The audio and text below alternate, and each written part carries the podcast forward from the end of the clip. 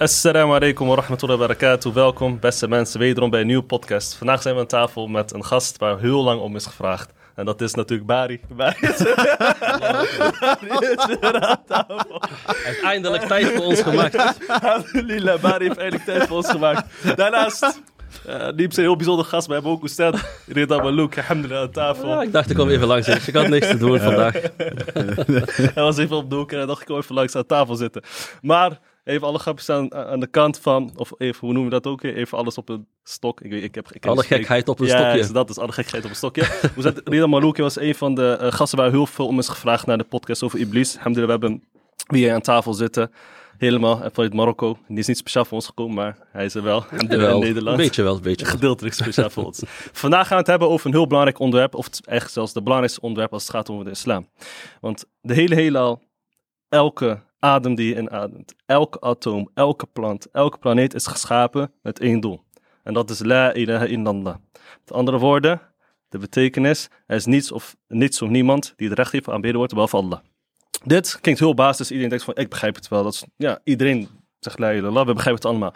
Maar het punt is dat, alhoewel het een heel basisprincipe is in de islam, de basiszin is de zin waarmee de islam binnentreedt, is er nog steeds best wel wat onduidelijkheid over eh, deze zin. En is het, dit, deze zin kan ook uitgelegd worden in volumes aan boeken. En dat is ook gedaan door geleerden. Er zijn heel veel dingen die er nog onder vallen. Om een, een beetje een, begrip hierin te geven en ook een, een basis op te bouwen over de La ilaha illallah. Natuurlijk kunnen we niet alles bespreken in de podcast.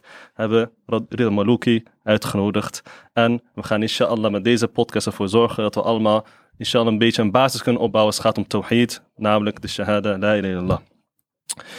Ehm, dit is ook namelijk de boodschap, is, de boodschap waarmee elke boodschap is gestuurd. Ehm, en dan wil ik vragen aan Oestad. Ik heb het al een beetje ingeleid eigenlijk, maar om nog uitgebreid over op in te gaan. eh, wat is precies de boodschap van elke boodschap? Ik heb het al een beetje gezegd, maar... Of Je hebt alles al gezegd, Allahu barik. Ja, we zijn eigenlijk klaar met de podcast. Allahumma barik, mashallah. Naam, Allahu akbar. Eh, ten eerste, bismillah, walhamdulillah, wassalatu wassalamu ala rasulillah. Amma ba'd. Het is voor mij een plezier en een genoegen en een eh, eer om weer bij jullie te zijn hier, mashallah. Ik ben benieuwd voor Allah met mijn geliefde broeders. Eh jazakumullahu khairan. En eh, een heel mooi onderwerp, het tawhid. Het tawhid. Het tawhid is het allerbelangrijkste in je leven. En de boodschap van alle profeten. De boodschap van alle profeten is het tawhid. Allah Azza wa, Jal zegt in de Koran.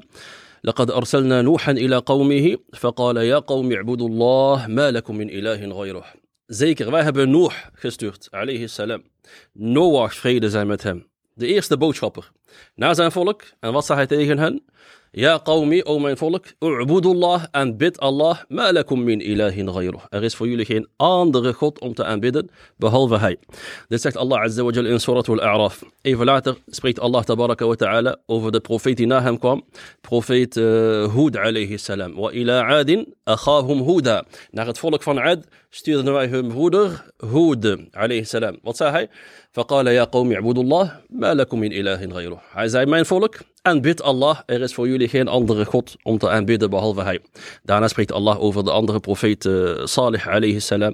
Wa ila Thamuda akhahum Saliha. Naar het volk van Thamud stuurden wij hun, hun broeder, hun broeder Salih alayhi salam. فقال يا قوم اعبدوا الله ما لكم من إله غيره. Hij zei, o mijn volk, aanbid Allah. Er is voor jullie geen andere uh, God om te aanbidden behalve hij. Dit is de boodschap van alle profeten. Alle profeten zeiden, Ja qawmi ibudullah, ma lakum min ilahin ghayr. Mijn volk, aanbid Allah alleen. Er is voor jullie geen andere God om te aanbidden, behalve hij. En Allah Azza wa Jal zegt, وَلَقَدْ بَعَثْنَا فِي كُلِّ أُمَّةٍ رَسُولًا أَنِ اعْبُدُوا اللَّهَ وَاجْتَنِبُوا الطَّاغُوتِ We hebben naar elk volk, elk volk dat er ooit is geweest in de geschiedenis, een boodschapper gestuurd. Letterlijk naar elk volk. En hij zei, ولقد بعثنا في كل أمة رسولا أن اعبدوا الله en bid alleen Allah واجتنبوا الطاغوت blijf weg van de taghut en de taghut is alles wat buiten Allah wordt aanbeden dus naar elk volk heeft Allah een profeet gestuurd en elke profeet kwam met het tawhid en Allah Azza wa Jal zegt uh, وما أرسلنا من قبلك من رسول إلا نوحي إليه أنه لا إله إلا أنا فاعبدون. وهبن فوريا أو محمد صلى الله عليه وسلم geen profeet gestuurd of hij zei tegen zijn وما أرسلنا من قبلك من رسول إلا نوحى نوحي إليه. Of wij openbaarden aan hem. لا إله إلا الله. er is geen god om te aanbidden فاعبدون. Aanbid mij dus Alle profeten kwamen hiermee. En om af te sluiten, de profeet Mohammed sallallahu alayhi wa sallam. Hij heeft 23 jaar lang da'wah gedaan. 13 jaar lang in Mekka. 23 jaar lang in Medina. En in Mekka zei hij 13 jaar lang niks anders dan, ja qawmi, Qulu la ilaha illallah. O mijn volk, zeg la ilaha illallah. Niks anders. Het gebed kwam later, zakat kwam later, el hajj kwam later, alle andere voorschriften kwamen later. Het enige wat hij 13 jaar lang zei, zeg la ilaha illallah. Dus dit is de boodschap van alle profeten, letterlijk. Oké, um, dit is de boodschap dan. Betekent, is het dan heel simpel gewoon gezegd, aanbid Allah alleen en vermijd afgoden. Dus ik mag geen sajda doen tegenover een standbeeld. Is, is dat gewoon tawhid? Dus dan zou elke moslim denken, ja, maar ik heb toch tawhid. Ik ben, aanbid geen standbeeld. Zeg maar, is het zo simpel of is het, is het wat dieper dan dat? Helaas is het niet zo simpel. Nou, uh, tawhid, wat betekent tawhid eigenlijk? Tawhid betekent, uh, komt van het werkwoord wahada. Eén maken. Iets één maken, dat is tawhid. Van iets maak je één. Dat is tawhid. En uh, in de islam tawhid is dat jij overtuigd bent dat Allah Azza wa Jal één is in alle dingen. Hij is één in alle dingen. En de geleerden hebben dat uitgelegd, eh, hebben dat onderverdeeld in drie categorieën. Al-Rububiyya, Tawhid van Rububiyya, Tawhid van Uluhiyya en Tawhid van Al-Asma wa Sifat. Wat betekent dat? Tawhid al-Rububiyya is de Tawhid van heerschappij. Dat betekent dat Allah één is in zijn heerschappij. Oftewel, er is één schepper. Allah is de enige schepper. Allah is de enige voorziener in het heelal. Allah is de enige bestuurder van het heelal. Allah is de enige die ons voorziet. Allah is de enige die leven geeft. Allah is de enige die uh, laat sterven. Allah is de enige die macht heeft over alles in het heelal. Dit wordt uh, genoemd. De tawhid van heerschappij. Daarna heb je de tawhid van uluhiyya. Tawhid van uluhiyya is dat jij Allah één maakt in al jouw aanbiddingen. Tawhid van aanbidding. De eerste was tawhid van heerschappij. tweede is tawhid van aanbidding. Dat je Allah één maakt in al jouw aanbiddingen. Dus al mijn aanbiddingen zijn voor Allah Azza wa Jal alleen. Al mijn aanbiddingen. Dan zou je kunnen zeggen, wat betekent aanbidding? Niet alleen knielen, zoals uh, Anil vroeg. Niet alleen sujud. Maar aanbidding in de islam is een hele ruime, uitgebreide term. Aanbidding, zoals Sheikh al-Islam ibn Taymiyyah rahimahullah zei in zijn boek Al-Ubudiyah. Al-ibadatu هي اسم جامع لكل ما يحبه الله ويرضاه من الأعمال من الأقوال والأعمال الظاهرة والباطنة. العبودية aanbidding is een verzamelnaam in de islam. Aanbidding is niet alleen bidden, maar is een verzamelnaam voor alle woorden en alle daden waar Allah van houdt, zowel innerlijk als uiterlijk. Alle woorden en daden, innerlijk en uiterlijk, waar Allah Azza wa Jal van houdt, dat is aanbidding. En een dichter uh, heeft dat heel mooi gezegd, Al-Hafid Al-Hakami, in zijn boek, uh, in zijn gedicht Sulam al-Usul. Hij zegt, ثم العبادة هي اسم جامع لكل ما يرضى الإله السامع. Al-Ibada, aanbidding, is een verzamelnaam voor, voor alles waar Allah tevreden mee is. وفي الحديث مخها الدعاء خوف توكل كذا الرجاء. In de hadith staat dat al-mugh van al-ibada, de kern van aanbidding, het dua is. Deze hadith is uh, da'if. Uh, al-hadith, uh, het dua, mugh al-ibada. de smeekbede is de kern van de aanbidding. Uh, is overgeleverd door At-Tirmidhi en hij zei gharib, hij zei, hij zei zwak. Maar de volgende hadith in Sahih At-Tirmidhi, die is wel authentiek. Het-du'a huwa al-ibada. Dua is al-ibada. Dua is de beste vorm van al-ibada. In een andere hadith in Sahih al-Jami' Afdalul ibada ad-dua. De beste aanbidding is ad-dua. Is smeekbeden. Is dat je Allah Azza wa Jal aanroept. وفي الحديث مخها الدعاء خوف توكل كذا الرجاء. Dus wat nog meer? Khawf. Vrees hebben voor Allah. Is een aanbidding. Vrees. Tawakkul. Vertrouwen is een aanbidding. كذا الرجاء. الرجاء. Hoop hebben is ook een aanbidding. Hoop hebben op Allah. توكل كذا, كذا الرجاء ورغبة ورهبة خشوع وخشية إنابة خضوع verlangen hebben naar Allah is een aanbidding. Vrees hebben voor Allah is een aanbidding. Khushu' hebben is dat je nederig bent uh, in jouw aanbidding is ook een aanbidding. Uh, ورغبة ورهبة خشوع وخشية إنابة خضوع والاستعاذة والاستعانة كذا استغاثة به سبحانه. أنزو هاته نو فادغ. هتفراغن تسميك أم هلب. إسن أم بيدن دعاء دون. سميك أم غدن ونيا إن نوت بنت. إسن أم بيدن آه، أنزو نمتها نو فيلة أندغ دين أنا زيت والذبح والنذر وغير ذلك. أفغن. إن دنام فان إيمانت. is een aanbidding. Je mag alleen offeren, een schaap slachten bijvoorbeeld, in de naam van Allah Azza wa Jal. Niet in de naam van een of andere heilige of wie dan ook. والنذر وغير ذلك en andere dingen. فافهم هديت أوضح المسالك. Begrijp dat goed, zodat je geleid zal worden naar het rechte pad.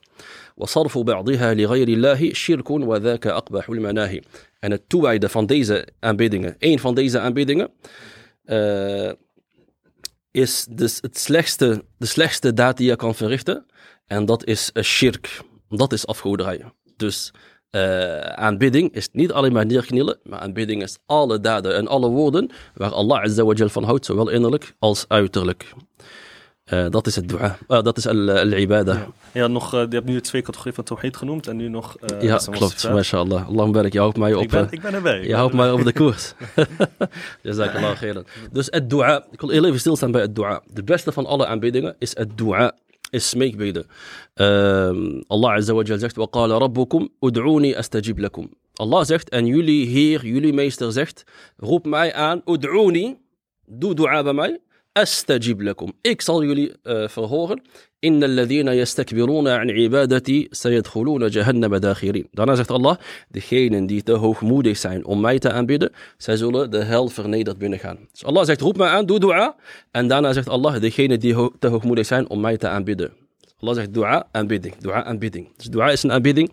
En Allah zegt ook in de Koran in Surat al-Baqarah: وَإِذَا سَأَلَكَ عِبَادِي عَنِّي فَإِنِّي قَرِيب. Wanneer mijn dienaren jou vragen over mij, dan ben ik zeker dichtbij.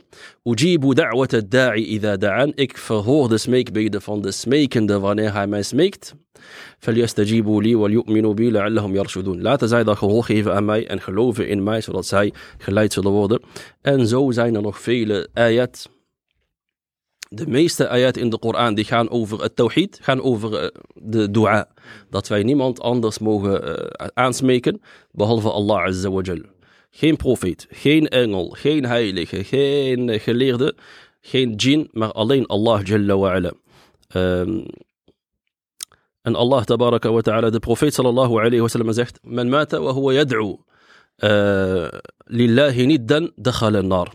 Degene die sterft terwijl hij in die toestand een ander dan Allah smeekt in zijn dua, zal naar de hel gaan. Zoals in Sahih al-Bukhari. Dit is dus al-uluhiyya, de tawhid van aanbidding. Dit is de belangrijkste vorm van tawhid. Dit is de kern van de boodschap van de profeten. En dan heb je nog de derde categorie. Tawhid al-asma'i was sifat. De tawhid van namen en eigenschappen van Allah. Dat betekent dat jij ervan overtuigd bent dat Allah Azza wa Jal één is en uniek is in al zijn namen en al zijn eigenschappen. Al zijn namen en al zijn eigenschappen, die bevestig jij. Dus jij gelooft dat Allah perfecte namen bezit, perfecte eigenschappen heeft en dat hij vrij is van alle gebreken en alle tekortkomingen. Hij heeft geen enkel gebrek, geen enkele zwakte. En dat je alle eigenschappen bevestigt voor Allah die Allah voor zichzelf heeft bevestigd in de Koran en die de profeet sallallahu alayhi wasallam voor hem heeft bevestigd in de sunnah. En dat je alle eigenschappen ontkent die Allah voor zichzelf heeft ontkend in de Koran of die zijn profeet sallallahu alayhi wasallam voor hem heeft ontkend in de sunnah. En daarna ben je stil. Je voegt hier niks aan toe en je vermindert hier niks van. Wij zeggen, uh, Allah kent zichzelf het beste en de profeet sallallahu alayhi wasallam kent Allah van alle mensen het beste. We gaan dus niet uh, met onze eigen verstand dingen interpreteren. Nee, deze eigenschap betekent eigenlijk dit of deze eigenschap betekent dit. Dus we zijn stil. Wij vergelijken Allah niet met zijn schepping, maar we gaan ook niet filosoferen over bepaalde eigenschappen die Allah heeft genoemd. Wij bevestigen het en daarna zijn we stil. En we vergelijken Allah niet met zijn schepping. Dat is tawhid al-asma wa sifat, tawhid van uh, namen en eigenschappen. In het kort. Ja, heel mooi. Het stuk over uluhiyya wil ik nog even bij stilstaan. Want jij noemt bijvoorbeeld ook dingen als vrees, hoop, eh, te vertrouwen op iets als Allah, dat dit ook valt onder aanbidding. Ik denk dat heel veel mensen het misschien voor het eerst als het horen, dat zelfs de daden van het hart, dus de dingen die in jouw hart rondspelen, waarbij jouw ledemaat niet echt een effect bij hebben, zelfs dat valt onder het aanbidden van Allah subhanahu Kan je, kan je misschien een voorbeeld geven van een van deze aanbiddingen, hoe het uh, ten eerste wat het een aanbidding maakt en uh, hoe hier shirk in kan plaatsvinden. Zoals bijvoorbeeld bij tawakkul of uh, bij vrees. Nou, uh, misschien als iemand dit hoort, denkt hij van, oh, als ik bang ben voor een leeuw of zo, dan ben ik mushrik geworden. nee, alhamdulillah, zo is het niet. Je hebt natuurlijke vrees, wat in een mens zit. Dat is een normaal natuurlijke vrees. En je hebt een vrees, een innerlijke geheime vrees, die je alleen aan Allah mag toewijden. Als je een slang voor je ziet, of je komt Anil tegen in een donker steegje, of een leeuw, Allah, dan ben jij bang. Dat is normaal. Dat is de, jouw reflectie. Uh, dat is natuurlijk uh, vrees. Maar we hebben het hier over een vrees die diep in het hart zit. Een vrees voor het onbekende. Je vreest dat, uh, dat een djinn jou kwaad kan doen vanuit het onbekende. Of je vreest dat een, een of andere sahir, tovenaar, macht over jou kan hebben vanuit het ongeziene of zo. Dat is een, een vrees die kan leiden naar shirk. Deze vrees, die echt in de kern van jouw hart zit, die mag je alleen toewijden aan Allah. Alleen Allah Azza wa is degene die alles bestuurt in het heelal. En hij is degene die jou kan baten en hij is degene die jou kan schaden. Ja, ja. Dus het is echt een beetje dus ongekende effecten toeschrijven aan dingen en dat gaan vrezen. Het is een beetje zoals een voorbeeld die vaak wordt genoemd, iemand uit de graf gaan vrezen of zo. Ja. Dus, ja Bang zijn dat een of andere heilige jou kwaad doet als jij uh, hem niet respecteert. Als je slecht praat over hem. Ja. Je had het net dus gehad over de onderscheiding van Tawhid in drie categorieën. Uh, waarom is het belangrijk dat deze onderscheiding wordt gemaakt? En vooral als het gaat om Rububiyya en Uluhiyya, die onderscheid tussen die twee. Rububiyya en Uluhiyya. Ik zal het nog een keer vertalen. Rububiyya is de tawhid van de eenheid van heerschappij. Rububiyya betekent dat je gelooft er is maar één schepper. Er is maar één bestuurder van het heelal die alles controleert. Er is maar één voorziener die ons voorziet. Er is maar één die ons leven geeft, die dood geeft. Dit is Rububiyya. Is dit voldoende? Dit is niet voldoende. Waarom? Zelfs de mushrikoon van Quraysh, de afgodenaanbidders van, van Mekka, zij bevestigden dit. Zij geloofden in Allah. Zij waren geen atheïsten. Zij aanbaden niet uh, een of andere uh, gekke olifantengod of zo. Nee, zij geloofden in Allah dat Allah de enige schepper is. Dat Allah de enige bestuurder is van het heelal. Dat Allah de enige voorziener is. Allah is de enige die de regen laat neerdalen. Allah is de enige die uh, ons leven geeft. Allah is de enige die, die ons laat sterven, die ons geneest. Subhanallah, waren zij moslims? Nee, zij waren geen moslims. Dit is niet voldoende. En het bewijs hiervoor trouwens, Allah zegt in vele versen, ayat van de Koran, وَلَا إِن سَأَلْتَهُمْ Men khalaqa samawati wal arda la yaqulunna Allah. Als jij hen vraagt, o Mohammed sallallahu alayhi wa sallam, als je Abu, Abu Lahab en Abu Jahl en al die andere mushrikeen vraagt, wie heeft de hemelen en de aarde geschapen? Dan zeggen zij Allah. Daar hebben ze geen probleem mee. ولئن سألتهم من خلقهم ليقولن الله. عشان فرحت في هن هيفت شابه سولو زي زيها الله Allah zegt ook in de andere ayah: Qul man yarzuqukum min as-sama'i wal ard. Zeg, o Mohammed sallallahu alayhi wa sallam, tegen die mushrikeen. Zeg tegen Abu Lahab en Abu Jahl en al die anderen, Al-Akhnas ibn Shuraik. Zeg tegen hen: Wie is degene die jullie voorziet vanuit de hemelen en de aarde? Qul man yarzuqukum min as-sama'i wal ard amma yamliku as-sam'a wal absar. Of wie heeft macht over de oren, het gehoor en de ogen het zicht. Wie is degene die de levende uit de doden haalt en laat voortkomen en de doden uit de levende? Dus die iemand leven, laat leven en die iemand laat sterven. En wie is degene die alles bestuurt? Zij zullen zeggen, Allah. Fakul. Zeg tegen hen, hebben jullie dan geen taqwa voor hem? Oftewel, jullie bevestigen dat Allah de enige schepper, de enige voorziener, de enige bestuurder is. Alles is in zijn handen, maar toch wijden jullie bepaalde aanbiddingen toe aan anderen dan Allah. Ze, hadden geen probleem met rububiyah, dat bevestigde zij. was geen enkel probleem voor hen. Ze hadden een probleem met al-uluhiyah. Aja'ala al-alihata ilahan wahida, zeiden zij, zoals in de Koran staat, heeft hij van alle alle goden die je mag aanbidden, maar één God gemaakt om te aanbidden. Hun probleem was dat zij bepaalde aanbiddingen toewijden aan anderen. Uh, vast, jullie hebben vast wel gehoord van de afgoden van, van Mekka. Al-Lat, Al-Uzza, Manat, Hubal. Allah zegt, Afara'aytum اللَّاتَ وَالْعُزَّةَ wal-Uzza wa Manat. Zien jullie Al-Lat en Al-Uzza en Manat, de derde? Mm. Het waren hun afgoden, hun beelden, die zij aanbidden, die zij aanbaden. Wat zeiden zij? Zij geloofden niet dat deze beelden scheppers waren, of dat ze hen konden voorzien, of dat ze macht hadden. Zij zeiden, ha'ula'i shufa'a'una indallah. Deze zijn onze bemiddelaars bij Allah. Contactpersoon, tussenpersoon, weet je. Dat is voor ons een goed woordje. Wij geven een paar, een paar schapen slachten voor hen, een paar kamelen. Dan eh, gaan zij voor ons wel een goed woordje doen uh, om de qiyamah. Eh, en ze zeiden ook... eh, ما نعبدهم إلا ليقربونا إلى الله زلفا. Wij aanbidden hen alleen maar zodat zij ons dichter bij Allah brengen. En deze beelden, zij geloofden niet dat die stenen hen van nut waren, maar die beelden, sommige, ja, eentje was een beeld, eentje was een boom, eentje was een graf.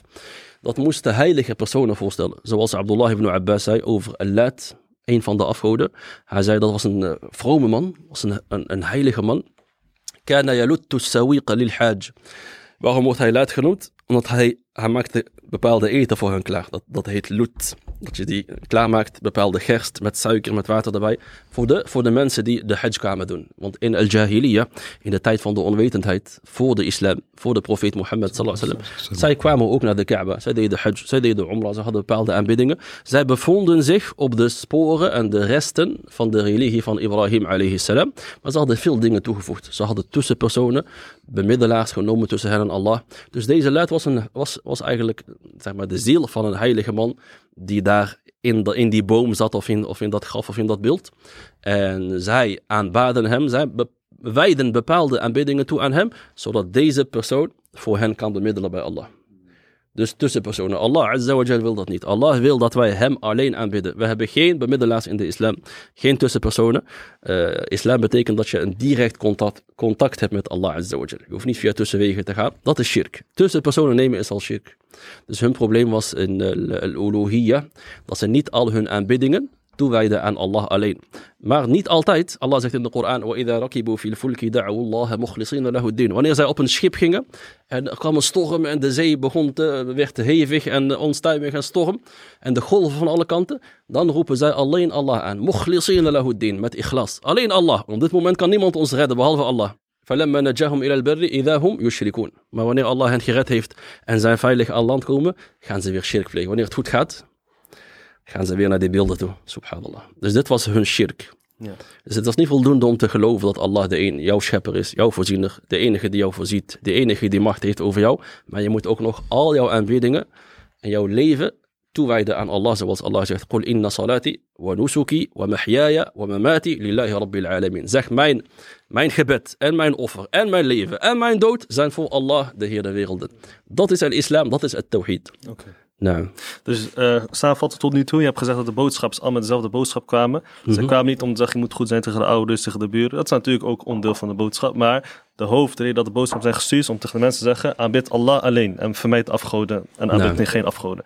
En de tawhid waarmee zijn gekomen is onderverdeeld in drie categorieën. Uluhiyya, rububiyya, wa sifat. Rububiyya, dat je gelooft Allah de enige is, de schep, de schepper is de bestuurder, degene die je onderhoudt, noem maar op. Uluhiyya, dat hij de enige is die verdient om aanbeden te worden, met alle aanbidding, of het nou voor je hart is, tong of ledematen. En dan nog isma wa sifat, dat je alles wat hij zijn eigenschap toekent en naam die heeft toegekend in de Koran en Sunnah zonder iets toe te voegen, verdraaien, noem maar op, Nee. weg te halen. Dat is tot nu toe de basis die we tot nu toe hebben gepraat dan. Of jij hebt gepraat. Dus Uluhiyya is dat alleen alles wat aan, aanbidt. Het is niet genoeg om Rububiyya te hebben, want de Quraysh had ook Rububiyya. Geloof dat Allah de schepper was, et cetera, maar dat maakt ze nog geen moslim. Mijn vraag is, ik heb hier een keer over nagedacht.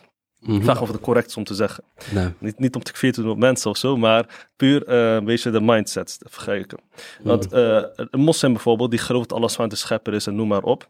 eh, om wat dichter bij, je, bij de hedendaagse situatie te brengen in Nederland. Iemand die gelooft alles is schepper, de onderhoud, et cetera. die komt dus overeen met Quraysh. Ze hebben allebei Rububiyya.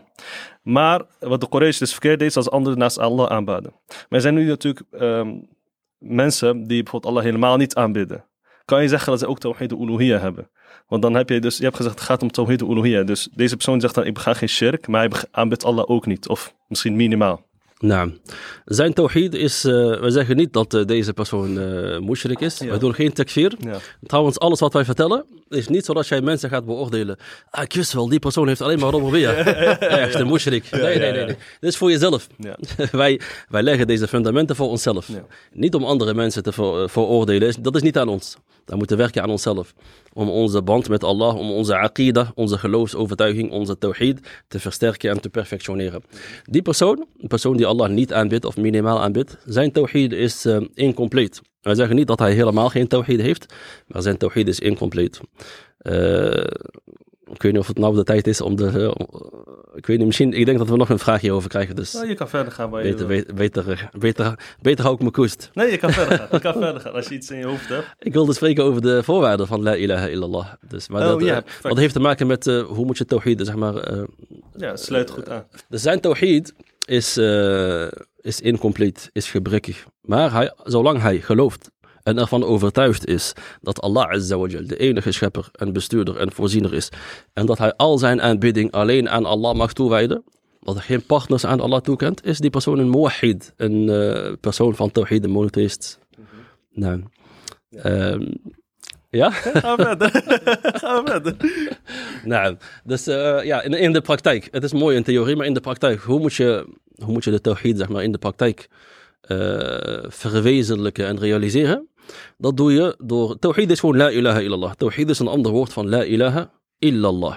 La ilaha is een ontkenning. Illallah is een bevestiging.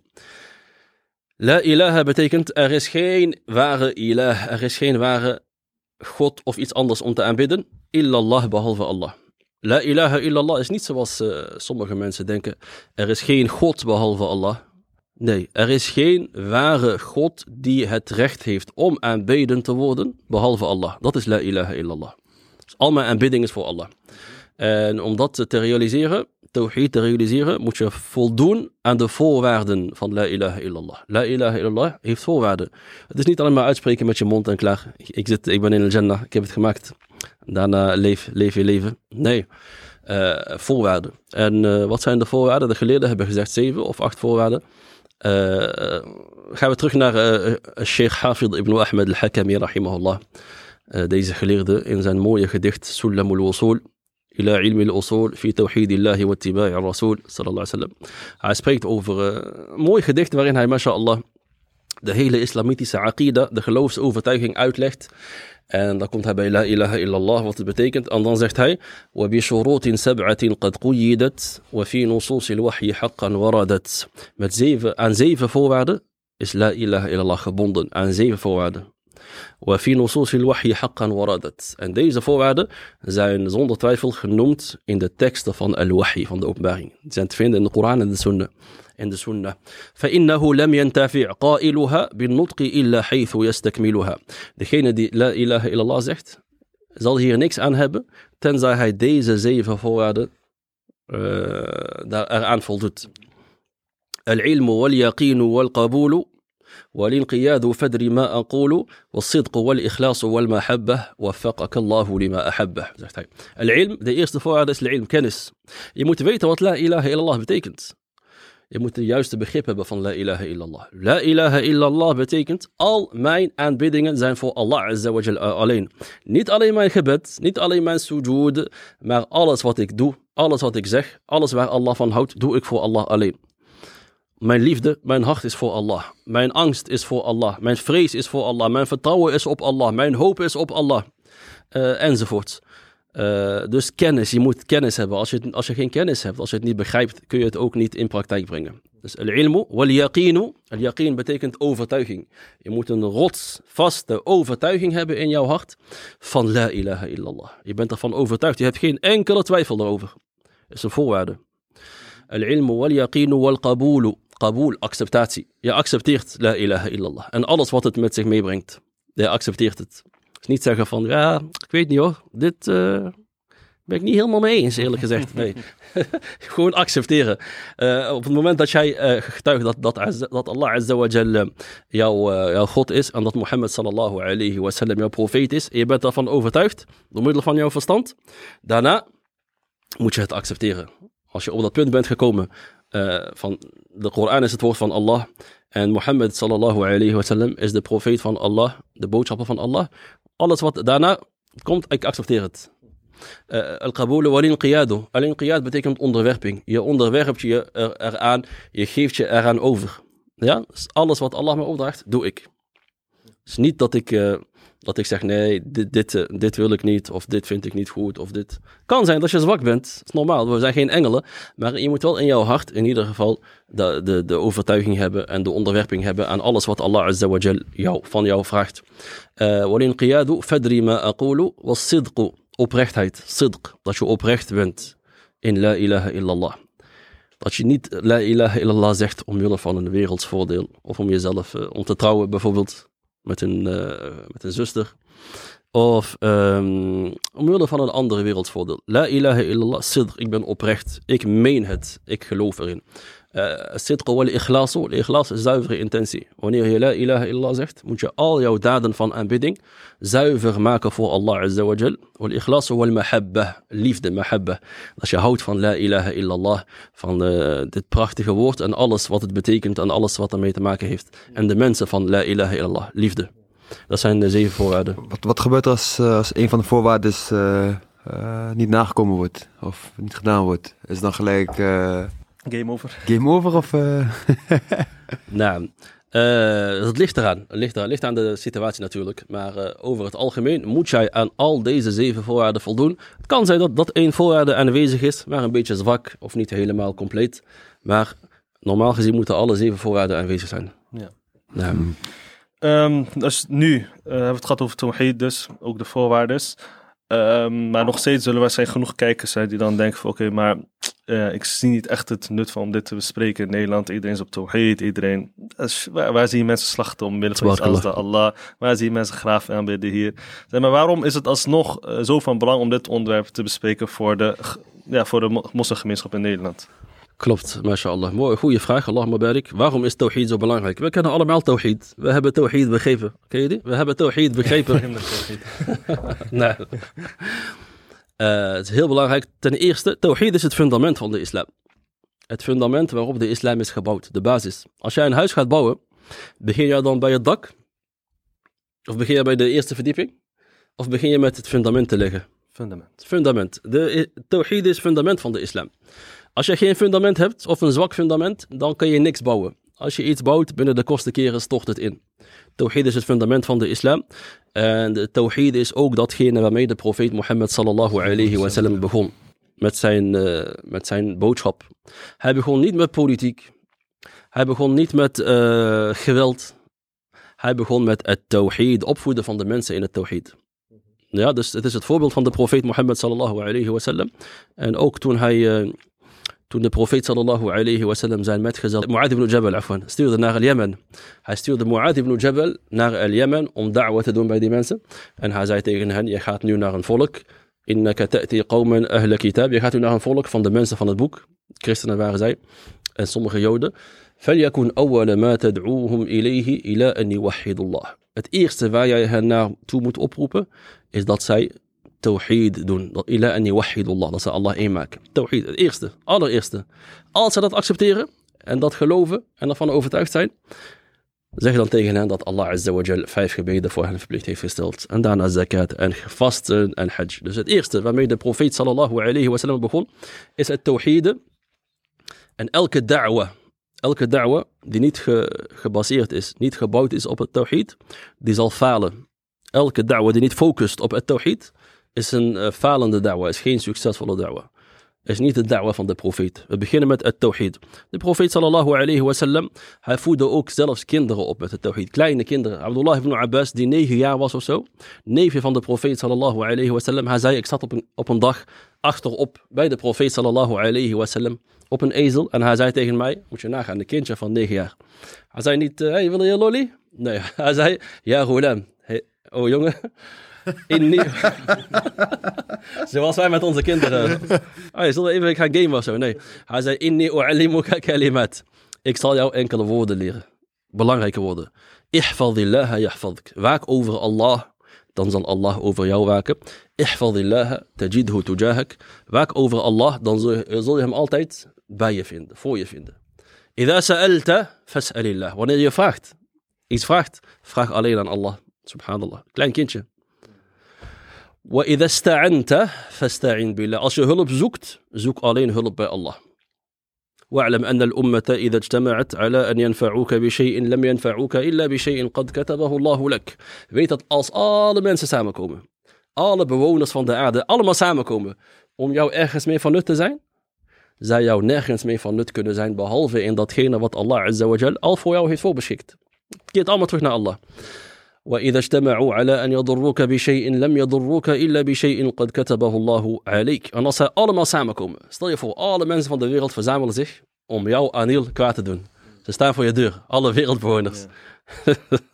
Met Poetin en Biden eh, hand in hand op de eerste rij. Zij kunnen jou nergens mee schaden, behalve datgene wat Allah al voor jou heeft uh, voorbeschikt. رفعت الأقلام وجفت الصحف. De pennen zijn opgeheven, de bladen zijn gedroogd, alles staat vast. Dit is wat de profeet sallallahu alayhi wa leert aan een klein kind, opvoeding. Zoals in Sahih al-Tirmidhi. Dus um, dat is de reden onder andere dat wij uh, moeten beginnen en focus moeten leggen op het tawhid. Tawhid is ook het doel van het leven. De tawhid is het doel van het leven. Jouw hele leven. De reden dat jij bent gemaakt, dat jij leeft, dat jij uh, ademt, dat jij op aarde loopt. De reden dat de hemelen en de aarde zijn geschapen en alles wat erin zit, is het tawhid. وَمَا خَلَقْتُ الْجِنَّ وَالْإِنسَ إِلَّا لِيَعْبُدُونَ Ik heb de jinn, de geesten, wal-ins en de mens alleen geschapen om mij alleen te aanbidden. Het tawhid. Uh, waarom is het nog meer belangrijk? Als je geen tawhid hebt, als jouw tawhid niet correct is of je hebt geen tawhid, dan zijn al jouw daden vruchteloos, ongeldig geworden. Je verricht daden, aanbiddingen, je geeft liefdadigheid, je bent goed voor de mensen, vasten, bidden, nachtgebed enzovoort. Je hebt geen enkele hasana bij Allah. Heel kort even. Kan je voorbeelden geven aan mensen misschien vervallen? Een kleine grote shirk die veel voorkomt? Want iemand kijkt en denkt van ja, maar dat ben ik waarschijnlijk niet. Dat gaat niet over mij. Ja. Ja. Want je hebt nu genoemd, uh, als je een shirk vervalt, kan jouw daden dus allemaal teniet gedaan worden. Wat voor shirkhet komen wel, wel eens voor in Nederland onder de jeugd? Dan heb ik niet over de extreme Soefi kant, maar gewoon mensen de algemene. Blauw, ik denk die, die hand Fatima, amuletten, toch? Die ja. gaaf aanbidders. Mashallah, dit, dit wilde ik eigenlijk bewaren voor het einde. Of zijn we al op het einde? Ja, als je, nee, we kunnen het nog eens, als je Als ik op vliegveld ben, met een telefoontje. Met telefoon is dat toch? ik, wil, ik, wilde, ik wilde eerst nog een paar punten te vertellen waarom tawhid zo belangrijk okay, is. Wat de vruchten zijn van het tawhid. Ja. En daarna pas um, voorbeelden van uh, dingen die de tawhid aantasten in het Westen, Nederland enzovoort. Ja, Perfect. Ik vind jouw structuur heel mooi. Ja, ja? Met jouw structuur. Fikum. Um, als je, als je shirk pleegt, shirk is het tegenovergestelde van tawhid, afgoderij. Als je geen tawhid hebt, zijn al jouw daden vruchteloos geworden. Kijk wat Allah Azza wa Jal zegt tegen zijn profeet Mohammed sallallahu alayhi wa sallam. De beste van alle mensen. وَلَقَدْ أُوحِيَ إِلَيْكَ Zeker, aan jou is geopenbaard. وَإِلَى الَّذِينَ مِنْ قَبْلِكَ En aan degenen die voor jou waren, alle profeten. Aan hen allemaal heeft Allah geopenbaard. لَإِنْ أَشْرَكْتَ لَيَحْبَطَنَّ عَمَلُكَ Als jij shirk pleegt, als jij geen tawhid hebt, als jij een van je aanbiddingen toewijdt aan een ander dan Allah, la amaluk. Dan zullen al jouw daden zonder twijfel waardeloos zijn, vruchteloos. Wala takunanna min al khasirin en dan zullen zeker behoren tot de verliezers, tot de losers. Dus uh, zonder tawhid worden jouw daden niet geaccepteerd. Het tawhid is de beste van alle goede daden. Je denkt van waarom moet ik tawhid leren? Tawhid, je wilt goede daden verrichten. De allereerste daad en de allerbeste daad is het tawhid. La ilaha illallah. De profeet sallallahu alayhi wa sallam zei dat het geloof bestaat uit 70 en nog wat vertakkingen. 70 en nog wat uh, branches, vertakkingen, categorieën. فأفضلها قول لا إله إلا الله. De beste van alle categorieën en vertakkingen van het geloof is dat je la ilaha illallah zegt. En ervan overtuigd bent. Um, en shirk is de slechtste van alle zonden. Shirk is de allerslechtste van alle zonden. Slechter dan iemand vermoorden? Naam, slechter dan iemand vermoorden. Slechter dan zina plegen? Slechter dan zina plegen. Sle slechter dan alle, alles wat je je kan voorstellen is shirk. Shirk is de slechtste van alle zonden. De profeet sallallahu alayhi wa sallam zei zoals in al-Bukhari al-Muslim. Ala unabbi'ukum bi akbari al-kaba'ir. Zal ik jullie vertellen wat de grootste van de grootste zonden zijn. Is, je hebt de grote zonden, al-kaba'ir, grote zonden. En je hebt akbarul kaba'ir, de grootste van de grote zonden. Uh, en hij zei al-ishraku billah, dat je shirk pleegt, dat je een partner toekent aan Allah in jouw aanbidding. En in een andere hadith, hadith staat dat de profeet sallallahu alayhi wasallam zei, de grootste van alle zonden, en taj'ala lillahi niddan wa huwa khalaqak. Dat jij een eh, gelijke aan Allah stelt, partner toekent aan Allah, terwijl Allah degene is die jou heeft geschapen. En misschien kunnen we nou heel even hierop ingaan. Dus waarom moeten we eigenlijk alleen Allah aanbidden? Kan iemand zich afvragen. Waarom mogen wij alleen Allah aanbidden? Waarom niet iemand anders? Je kunt toch ook, ook een profeet aanbidden. hoor. De profeet Mohammed sallallahu alaihi wasallam was is ook een goede man. We mogen hem, waarom mogen we hem niet aanbidden? Of, eh, of een van de engelen. Of een van de heiligen. Waarom? Ten eerste, het is heel logisch. Het is gewoon eh, met je verstand. Allah is de enige schepper. Allah is de enige die ons heeft geschapen. De enige die jou heeft geschapen, alleen hij heeft recht op jouw aanbidding. Iemand die jou niet heeft geschapen, heeft geen recht op jouw aanbidding. Allah is de enige die jou voorziet. Die jou risk geeft. Die jou jouw dagelijks brood geeft. Die jou laat ademen. Die jouw hart laat kloppen. De enige. Dus alleen hij heeft het recht om, om aanbeden te worden. En niet iemand anders. Iemand die jou geen risk geeft, heeft niet het recht om aanbeden te worden. Allah Azza wa is de enige die alles bestuurt in het, in het heelal. Niemand anders heeft ook maar macht over één atoom in het heelal. Niemand anders. Dus waarom moeten wij iemand aanbidden die geen macht heeft over één atoom? Wij mogen alleen degene aanbidden die alles bestuurt en die overal macht op, o- over heeft. Ehm, waarom nog meer? Omdat Allah de enige is die jou kan baten en de enige is die jou kan schaden. Alleen Allah kan jou van nut zijn en alleen Allah kan jou schade berokkenen. Al het andere alleen als Allah daar toestemming voor geeft. En als laatste, omdat Allah perfect is. Allah is de enige die perfect is vanuit alle opzichten. Al zijn eigenschappen zijn mooi en perfect en hij heeft geen enkel gebrek. En al het andere is gebrekkig. Al het andere is gebrekkig vanuit alle opzichten.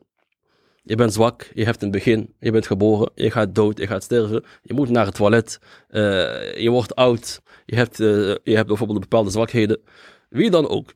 Dus al het andere is gebrekkig en alleen Allah Azza wa is degene die perfect is. En daarom aanbidden wij alleen Allah Jalla wa Ala. Terug naar het, eh, het punt waar we waren. Voordat we teruggaan, ik Oh, wil nog voordat even teruggaan, bismillah. kort inhaken. Eh, jij zei dus bijvoorbeeld, de shirk is erger dan elk, elk grote zonde daaronder. Dus bijvoorbeeld het vermoorden van iemand, eh zina plegen, noem maar op, roddelen. Ehm, hoe kan het zo zijn? Wat is, eh, zeg maar, kan je het eh, dichter bij ons brengen? Ehm, waarom bijvoorbeeld het zweer op iets als de Allah, dat heel klein lijkt, erger is dan het vermoorden van iemand anders? Zeg maar, ik denk zo, denk van, hm, je hebt gewoon echt iemands leven genomen en één is gewoon een zin die je hebt uitgesproken. Hoe kan dat erger zijn Ja, dan het ja, andere? ja. Of ria of andere vormen van kleine shirk? Je hebt vormen van kleinere shirk genoemd. Ehm, eh, ik, eh, wil niet, kan, ik durf niet te zeggen dat die eh, daden erger zijn dan moord. Want shirk bestaat uit niveaus en gradaties. Een grote shirk die iemand uit het, de islam laat treden, dat is sowieso erger dan moord. En alle andere zonden. Kleinere shirk ligt eraan. Kleinere shirk, eh, je hebt verschillende soorten kleinere shirk. En, En we zeggen, ik wil niet zeggen grote en kleine shirk. Ik wil niet zeggen kleine shirk. Als je zegt kleine shirk, dan lijkt het zo schattig. Oh, kleine shirk. Ah, kleine shirk. Ja, Nee, we zeggen kleinere shirk. ja. Shirk al asrar. Kleinere in vergelijking met de grote shirk. Maar het is nog steeds een van de ergste en grootste en meest gruwelijke zonden. Het is niet kleine shirk, schattig, maar kleine shirk, kleinere shirk. Mhm. Oké, dan kan je dan een voorbeeld geven tussen grote shirk en een grote zonde. Bijvoorbeeld eh, het slachten voor iets aan Allah. Of naar waar zeggen toe gaan, het geloven. Nog erger is dan iemand vermoorden. nou, heeft je vraag aangepast. Ja, nu kan je niet meer eronder uit. Nou, eh, wat shirk zo erg maakt. Eh, Shirk zo erg maakt. Shirk is de het grootste onrecht wat je kan doen. Het grootste onrecht dat iemand kan doen, is shirk plegen. Het is de grootste ondankbaarheid. Shirk plegen is dat jij eh, Allah Azza wa degene die jou in, tot leven heeft gebracht, degene die jou eh, heeft beschermd in de, in de baarmoeder van van je moeder, degene die jou voorziet, al voordat jij naar deze wereld kwam, degene die jou in stand houdt. Hoe, uit hoeveel cellen besta jij? Moleculen, atomen. Allah is degene die al die, al die dingen in stand houdt. Als Allah Azza wa Jal één ogenblik zijn eh, bescherming van jou wegneemt, dan ben jij verloren. Ja, dus eh, hoe dankbaar wij Allah Azza wa Jal ook zijn, we kunnen hem nooit zijn recht geven. De profeet sallallahu alayhi wa sallam zei in een hadith, als iemand vanaf het begin dat hij werd geschapen, gemaakt, vanaf jouw geboorte, tot aan de dood, op, op zijn gezicht wordt gesleurd, omwille van Allah, moet je je voorstellen, 80 jaar lang word je op je gezicht gesleurd, over de hele wereld, omwille van Allah, dan, heb, dan heeft die persoon Allah nog steeds niet zijn recht gegeven. En de profeet sallallahu alayhi wa sallam vertelde dat er engelen zijn, malaika, engelen, die vanaf het moment dat zij zijn geschapen, en engelen zijn voor de mens geschapen, misschien uh, duizenden, miljoenen jaren misschien, vanaf het moment dat ze zijn geschapen, tot aan de dag der opstanding. Dit is niet alles, dit, is, dit is geen, uh, hoe zeg je dat? Ah, ik ben de naam kwijt. Ik wilde een mooi woordje zeggen, maar laat maar zitten. We gaan verder met straattaal, inshallah. Dit is geen hypothese, dat was het. Ja. Eén mooi woordje erin gooien, zeg maar. Dit is geen hypothese, dit is gewoon echt waar. Er zijn engelen die vanaf het moment dat, zij, dat zij zijn uh, geschapen, tot aan Yomul Qiyamah, alleen maar neerknielen voor Allah. Ze zijn geschapen in deze houding, sujud, en zij heffen hun hoofd nooit op. Voor Allah Azza wa. En dat tot aan Yomul Qiyamah, de dag der opstanding miljoenen, miljarden jaren, Allah weet hoe, lang. En wanneer, wanneer er op de uh, trompet, trompet wordt geblazen, zegt de profeet sallallahu alayhi wa sallam, wanneer de engel Israfil op de trompet blaast en de dag de opstanding vindt plaats, dan pas heffen die engelen hun hoofd op en zij kijken naar Allah. En wanneer ze Allah zien, zeggen zij, Subhanak, ma haqqa ibadatik. Subhanak, verheerlijkt bent u, perfect bent u. Wij hebben u niet aanbeden zoals, uh, zoals het u het toekomt zoals het u toekomt. Ja, en dan komen wij uh, met onze vijf gebeden halfslapend per dag. Dan denken wij van, uh, we hebben Allah zijn recht gegeven. Dus wat je ook doet, jij geeft Allah nooit zijn recht. Ja? Maar laat staan dat jij, we praten niet eens over het recht geven van Allah. Jij uh, richt jouw dankbaarheid aan iemand anders. Aan iets anders. Iets of iemand die niks voor jou heeft gedaan. Die jou niet voorziet. Die jou niet heeft geschapen die jou niet in stand houdt, die helemaal niks heeft voor jou gedaan. Die persoon of dat wezen of dat voorwerp is net als jij, uh, heeft geen macht, heeft geen kracht, heeft behoefte aan Allah. Dat jij jouw aanbidding, jouw aanbidding is eigenlijk de meest intense, de meest pure vorm van liefde en van dankbaarheid, dat je die niet aan Allah toewijdt, degene die jou alles heeft gegeven, maar aan een of andere voorwerp of mens of schepsel dat niks voor jou heeft gedaan. Dat is, dat is wat het uh, shirk zo erg maakt. Mm -hmm. Afgoderij. Ja. Dat is de ergste vorm van ondankbaarheid. En als jij afgoderij, als iemand afgoderij pleegt, dan heeft hij het doel van zijn leven niet vervuld. Dan leeft hij voor niks op aarde. Ja. Dus dat is uh, een klein beetje een antwoord op je vraag, hoop ik. Ja, nee, is goed. Ga maar verder met jouw lijst. Ja, waslijst. een beetje inkorten, inshallah. Het tawhid is heel erg belangrijk. Tawhid is jouw drijfveer, is jouw motor die jou aanzet om goede daden te verrichten. Zonder, voor al deze punten zijn er bewijzen uit de Koran en de Sunnah, maar ik wil het niet lang houden. Inshallah. Tawhid is ook datgene wat je weghoudt van slechte daden. Als jouw tawhid goed is, dan zal dat jou beschermen tegen het verrichten van slechte daden. Tawhid, en je leeft voor Allah. Je denkt aan Allah. Je weet dat jij een dienaar bent van Allah, omdat jij zal terugkeren naar Allah. En daarom blijf je weg van het verrichten van slechte daden. Uh, tawhid is wat jou standvastig maakt tijdens tegenslagen, tijdens beproevingen. Zoals de profeet sallallahu alayhi wa sallam zei, zoals in Sahih Muslim. Ajaban. Verbazingwekkend is de toestand van de gelovigen. De profeet sallallahu alayhi wa sallam verbaast zich om jullie, gelovigen. Verbazingwekkend. In asabathu sarra'u shakar fakana khayran lah. Wanneer uh, hij getroffen wordt door voorspoed, wanneer het goed met hem gaat, dan is hij dankbaar en dat is goed voor hem. Wa in asabathu sabara fakana lah. En als hij getroffen wordt door tegenspoed, door tegenslagen, als het slecht met hem gaat, dan is hij geduldig en dat is goed voor hem. Dus alles, als jij tawhid hebt, dan voer je alles terug naar Allah Azza wa Jal. Je weet dat alle, alles afkomstig is van Allah. Zowel het goede als het slechte. Als je getroffen wordt door het goede, ben je dankbaar. En als je getroffen wordt door het slechte, dan ben je geduldig. En Allah Azza wa Jal zegt in de Koran. Als Allah jou treft met een tegenslag, met een onheil, dan kan niemand dat wegnemen behalve Allah. Als je hiervan overtuigd bent, dan ben je standvastig. Je weet dat alles afkomstig is van Allah Azza wa Jal. En je weet dat Allah ta'ala alleen maar het goede met jou voor heeft. Alles wat af, afkomstig is van Allah is goed. Is goed voor mij. Of ik het nou begrijp of niet begrijp. Je weet dat Allah Azza wa Jal meer liefde voor jou heeft dan jouw eigen moeder. Dus als jij daarvan overtuigd bent, dat is het tawhid. Tawhid is niet alleen maar theorie. Uh, Rubiya, Uluhiya, Asma al-Sifat. Ja, ik ken het. Up naar de volgende. Nee, ja. tawhid is iets waar je mee leeft. Is een levensstijl. Is een levensstijl. Uh, mooi gezegd. Nou. Dus, uh, en Allah Azza wa Jal zegt ook, Alladhina idha asabathum musibatun, qalu inna lillahi wa inna ilayhi raji'un. Degenen die wanneer zij getroffen worden door een ramp, door een onheil, iets ergens gebeurt met, met jou, dan zeg je het eerste wat je zegt, als je tawhid hebt, inna lillah. Niet een zin die je uitspreekt, maar een overtuiging. Ik ben van Allah. Ik behoor aan Allah. Ik ben eigendom van Allah. Wa inna ilayhi raji'un. En wij zullen allemaal terugkeren naar Allah. Ik ben van Allah. Ik ben een dienaar van Allah. Allah mag met mij doen wat hij wil. En ik zal terugkeren naar Allah. Dus waarom maak ik me zorgen? Uh, is ook datgene wat jou redt uit de moeilijkheden. ik zie jou kijken. Ik zie 30 rollen staan over 20. Maak je geen zorgen, ik ga snel doorheen. Anders deel 2 en deel 3. Nee. Shepard. Verder, dat is interessant. Uh, Alil heeft een afspraak voor de kijkers straks. Hij heeft een vlucht die hij moet halen. Ja, ja, maar uh, Bahri heeft niks te doen vandaag, toch? Nee, vertel, vertel. Ik ben even. Is luister het oor voor jou? Uh, mashallah, hij is ook heel uh, stil, mashallah. Alhamdulillah, maar kom praten. Tawhid is wat je redt uit de moeilijkheden. Wat jou redt uit de moeilijkheden. Als je in gevaar bent, je bent in nood, wat gaat jou redden? Tawhid. Bewijs is het bekende verhaal. Ik wil het niet in detail uh, vertellen. Van de drie personen die uh, op weg waren. En opeens begon het te regenen en het werd donker. Dus zij gingen verstoppen in een grot. En opeens viel er een rotsblok voor de ingang van de grot en ze werden opgesloten. Ze werden opgesloten in de grot.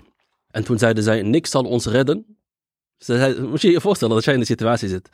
Ze zeiden niet, oh telefoon, wifi, dit, dat, kan ik bellen. Ze zeiden, niks zal jullie redden, behalve uh, dat jullie Allah aanroepen, aansmeken, uh, met, met, door middel van jullie goede daden. Een goede daad die jullie hebben verricht, alleen en puur omwille van Allah. Roep Allah daarmee aan. En ieder van hen begon een daad te noemen. De beste daad die, die zij verricht hadden, alleen omwille van Allah. Tawhid. Dus een van hen zei uh, in het kort, uh, hij bleef de hele nacht uh, wachten bij zijn ouders die in slaap waren gevallen. Hij wilde niemand voor zijn ouders uh, te eten geven. Hij bleef daar de hele dag zo staan met, met de bord in zijn hand. Terwijl zijn kinderen honger leden bij zijn voeten en aan het huilen waren. Omwille van Allah deed hij dat. Toen hij, hij zei, ja Allah, als ik dit omwille van u gedaan heb, red ons dan uit deze situatie. En rotsblok ging een klein beetje opzij, klein beetje. Maar ze konden er niet uit. Tweede persoon, die lang verhaal, mooi hij, had, hij was alleen met de vrouw van zijn leven de vrouw van zijn dromen, sorry. En hij was in staat om ge geslachtsgemeenschap met haar te hebben. Maar hij liet haar gaan omwille van Allah Azza. Hij zei, ja Allah, als ik dit omwille van u gedaan heb, red ons dan uit deze situatie. De rotsblok ging weer een klein beetje opzij, maar ze konden er nog net niet uit. En de derde persoon had ook een ander verhaal. Uh, had een werker in dienst genomen en die werker was weggegaan zonder zijn loon te nemen. Laten we zeggen uh, 10 euro. Dus die man hij bleef wachten, die weg kwam niet terug. Hij dacht van deze 10 euro ga ik investeren. In deze tijd zou je zeggen bitcoin. In die tijd uh, was het iets anders. Dit gaat trouwens over de mensen van uh, Banu Israël, de, de, mensen voor, voor ons. Uh, hij had het geld geïnvesteerd. Uit die 10 euro bijvoorbeeld kwamen, had hij opeens een hele vallei vol met kamelen en schapen en koeien en bedienden. Allemaal uit die 10 euro. En toen kwam die werker terug. Hij zei, ja Abdullah, dienaar van Allah, geef mij mijn geld. Weet je wat die man zei? Hij zei, alles wat je hier voor je ziet, is van jou. Is uit die 10 euro gekomen. Kamelen, schapen, koeien, bedienden. Misschien ook vrouwen, ik weet niet. die man zei, het is tehzi'u het is Abdullah. Spot jij met mij? Geef mij mijn 10 euro's, ik heb geen tijd. Nee. Hij zei, ik spot niet met jou. Dit alles is van jou. En die man, die man was ook uh, Mseli, zoals we in het Marokkaans zeggen. Die was, die was ook. Hij zei van oké, okay, hij nam alles mee. Hij liet niks achter. hij liet alles mee. en toen zei die, die man: Ja, Allah, als ik dit omwille van u heb gedaan, red ons dan uit deze situatie. En de rotsblok ging, uh, rolde weg en zij liepen naar buiten. Tawhid had u gered. Het Tawhid. Waarom nog meer? Oké. Okay. Ik zie Anil kijken met zijn ogen. Ik, uh, gaan we verder. Ja, ja, jouw signalen. Die... Je hebt Bari tot... Uh, huh? signalen van je ogen, die komen goed aan. Grapje. Het tawhid is ook het geheim van gelukkig leven. Vele mensen zijn ongelukkig, depressief, ze haten hun leven, zij uh, hebben geen zin meer om te leven. Het tawhid is het eerste ingrediënt van een gelukkig leven. Tawhid. Als je geen tawhid hebt, zul je nooit het ware geluk proeven. Je zult misschien uh, korte momenten van geluk proeven. En daarna zul je nog depressiever worden. Het tawhid Allah Azza wa Jal zegt. من عمل صالحا من ذكر أو أنثى وهو مؤمن فلنحيينه حياة طيبة. Wie het goede doet, goede daden verricht. Belangrijk. Tawhid is niet alleen maar geloven met je hart, maar goede daden doen. Uh, min ذكر أو أنثى. Of het nou een man is of een vrouw. Er is geen verschil in de islam tussen man en een vrouw als het gaat om goede daden, als het gaat om uh, status. Wahuwa mu'min, dit is de voorwaarde. Terwijl die persoon een mu'min is, een gelovige is. Geloof. Wat is geloof? Geloof in de zes pilaren. In Allah, zijn engelen, zijn boodschappen. Eerste pilaar. Geloof in Allah Azza wa Jal. Tawhid. وهو مؤمن فلا نحيينه حياة طيبة. Wij zullen die persoon een gelukkig leven schenken, zegt Allah. Prachtig leven schenken in de dunya. Uh, Tawhid is ook het eerste ingrediënt voor veiligheid. In deze tijd veel oorlogen, veel, veel onveiligheid. Uh, het eerste ingrediënt voor veiligheid is het tawhid. Dat je veilig bent in deze dunya en veilig bent in al-akhirah. En hiernamaals, uh, Allah Azza wa Jal zegt, Alladhina amanu wa lam yalbisu imanahum bidhulmin. Degenen die geloven en hun geloof niet mengen met zulm, met onrecht. Dat ze hun geloof niet mengen met onrecht. Ulaika lahumul amnu. Diegenen zijn het die al-amen zullen hebben. Zij zullen veilig zijn. Wahum muhtadun. En zij zullen geleid zijn. Toen de sahaba dat hoorden, ze dachten van wat? Geloven en het geloof niet mengen met onrecht. Zij zeiden, ja Rasulallah, ayuna la yadlimu nafsah. Boodschapper van Allah, sallallahu alaihi wasallam. Wie van ons doet er zelf geen onrecht aan? Ze dachten elke vorm van onrecht. Maar de profeet sallallahu alayhi wasallam bedoelde daar iets anders mee. Hij zei, heb je de woorden van Luqman niet gehoord?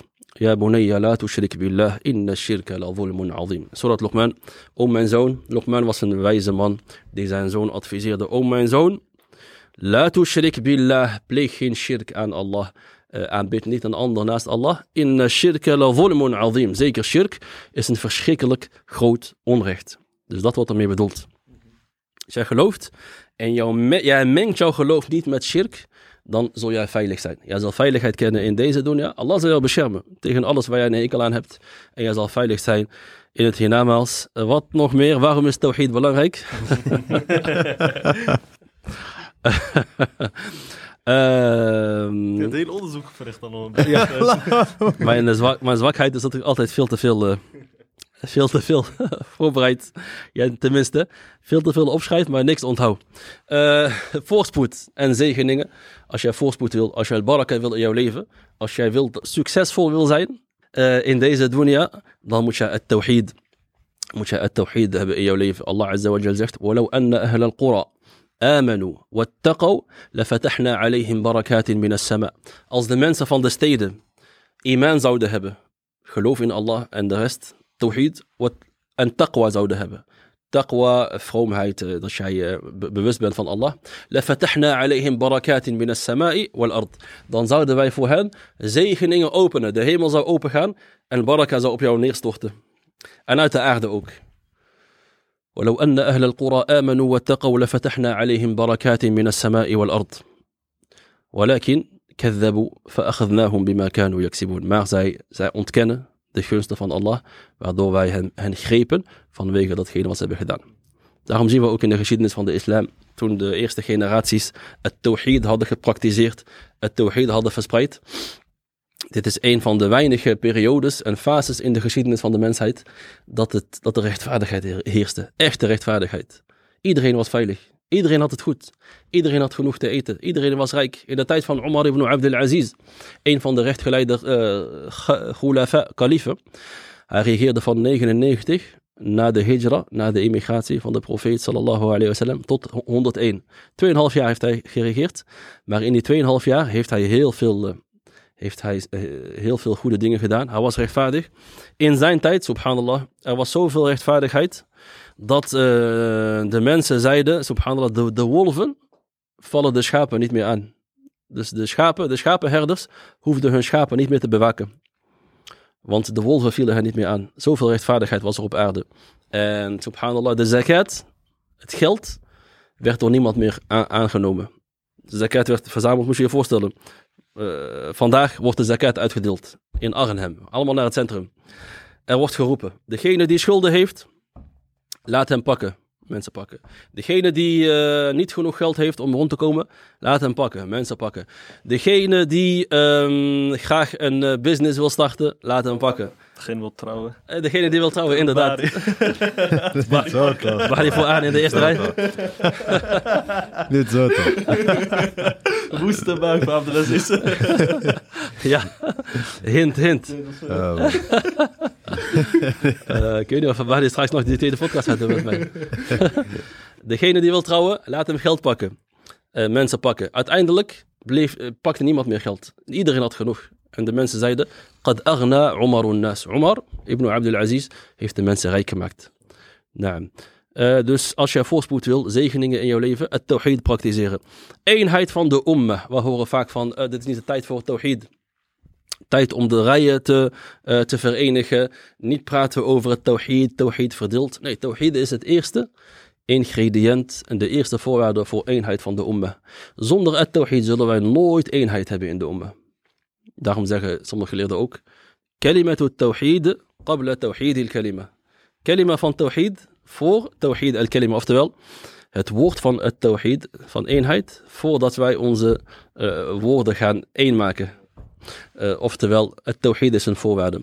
Uh, Allah Azza wa Jal zegt tegen zijn profeet sallallahu alayhi wa sallam, وَأَلَّفَ بَيْنَ قُلُوبِهِمْ over de sahaba. Allah heeft hun harten verenigd. Allah is degene die de harten van de sahaba had verenigd. Daarvoor waren de Arabieren, ze waren de grootste vijanden voor elkaar stam tegen stam, om de domste redenen, gingen ze elkaar uitmoorden. Maar Allah is degene die hen heeft verenigd.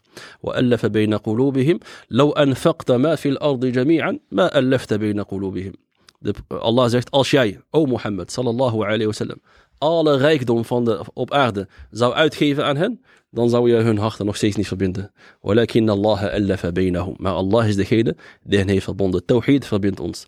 En shirk verdeelt ons. Shirk, afgoderij, een ander dan Allah aanbidden, verdeelt ons. Allah Azza wa Jal zegt in de Koran, وَلَا تَكُونُوا مِنَ الْمُشْرِكِينَ Wees niet zoals de mushrikien, de mensen van shirk, de afgoede aanbidders.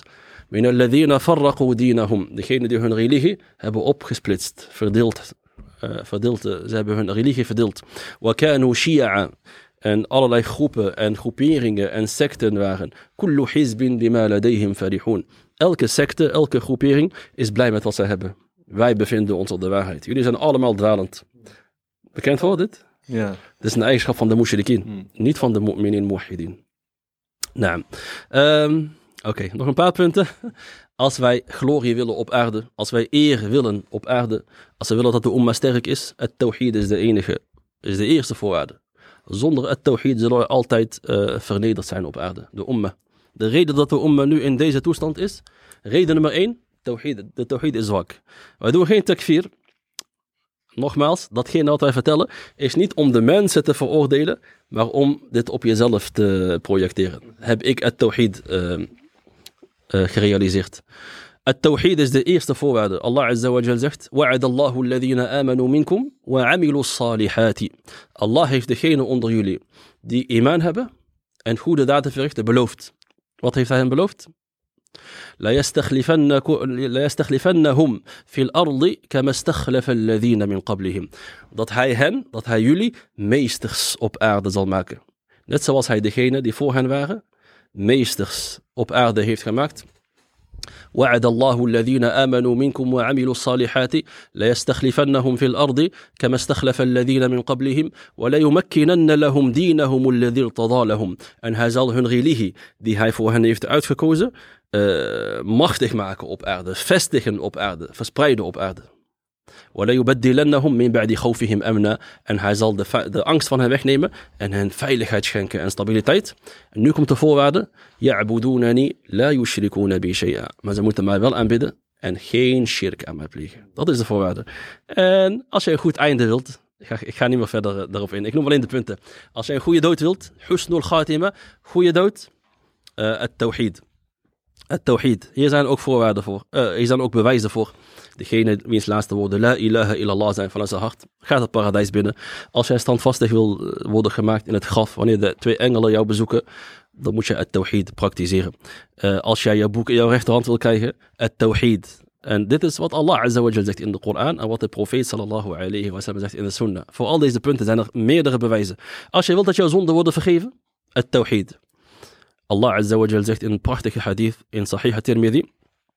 Jabna Adam, O kind van Adam. Wij zijn allemaal kinderen van Adam. Innaka ma da'autani wa rajawtani ghafartu laka ala ma kana minka wa la ubali. Zolang jij mij, mij aanroept, dua doet op, voor mij of aan mij en hoopt op mij, ghafartu laka ala ma kana minka wa la ubali. Zal ik jou vergeven wat je ook gedaan mag hebben zonder hiernaar om te kijken. Het is voor Allah niks. Voor Allah is het niks. Eh, uh, Jabna Adam, ook kind van Adam. Lo balagat dhunubuka anana sama. Als jouw zonden zouden reiken tot de wolken in de hemel. Wie van ons heeft zonde tot aan de wolken? Ik hoop niemand hier. Inshallah. آه، لو بلغت ذنوبك عنان السماء ثم استغفرتني غفرت لك ولا أبالي. En jij mij daarna om vergeving vraagt, aan mij, niet aan iemand anders, zal ik jou vergeven en ik zal er niet, niet naar omkijken. Tawhid. Tawhid vergeeft jouw zonde. Jabna Adam, o kind van Adam, لو أتيتني بقراب الأرض خطايا. Als jij naar mij komt, Yom al-Qiyamah. Met de hele aarde gevuld met zonden. Je hebt de hele aarde gevuld met zonden. Thumma eh, laqitani la tushriku bi shay'a. En jij mij ontmoet en mij tegemoet komt zonder dat jij shirk hebt gedaan. La'ataytuka bi qurabiha maghfira. Zal ik jou tegemoet komen met de hele aarde gevuld met vergeving voor jou. Het tawhid uh, wist de zonde uit. Het beschermt jou tegen de hel. Het tawhid is de sleutel van het paradijs. Als je geen tawhid hebt, mag je het paradijs niet binnen en in het kort het tawhid is het recht van Allah azza wa jal ik zie mensen achter de schermen allemaal, signalen geven en zo ik weet, het is tijd, het is tijd. Tawhid is het recht van Allah. Het tawhid huwa haqqullahi ala al-abid.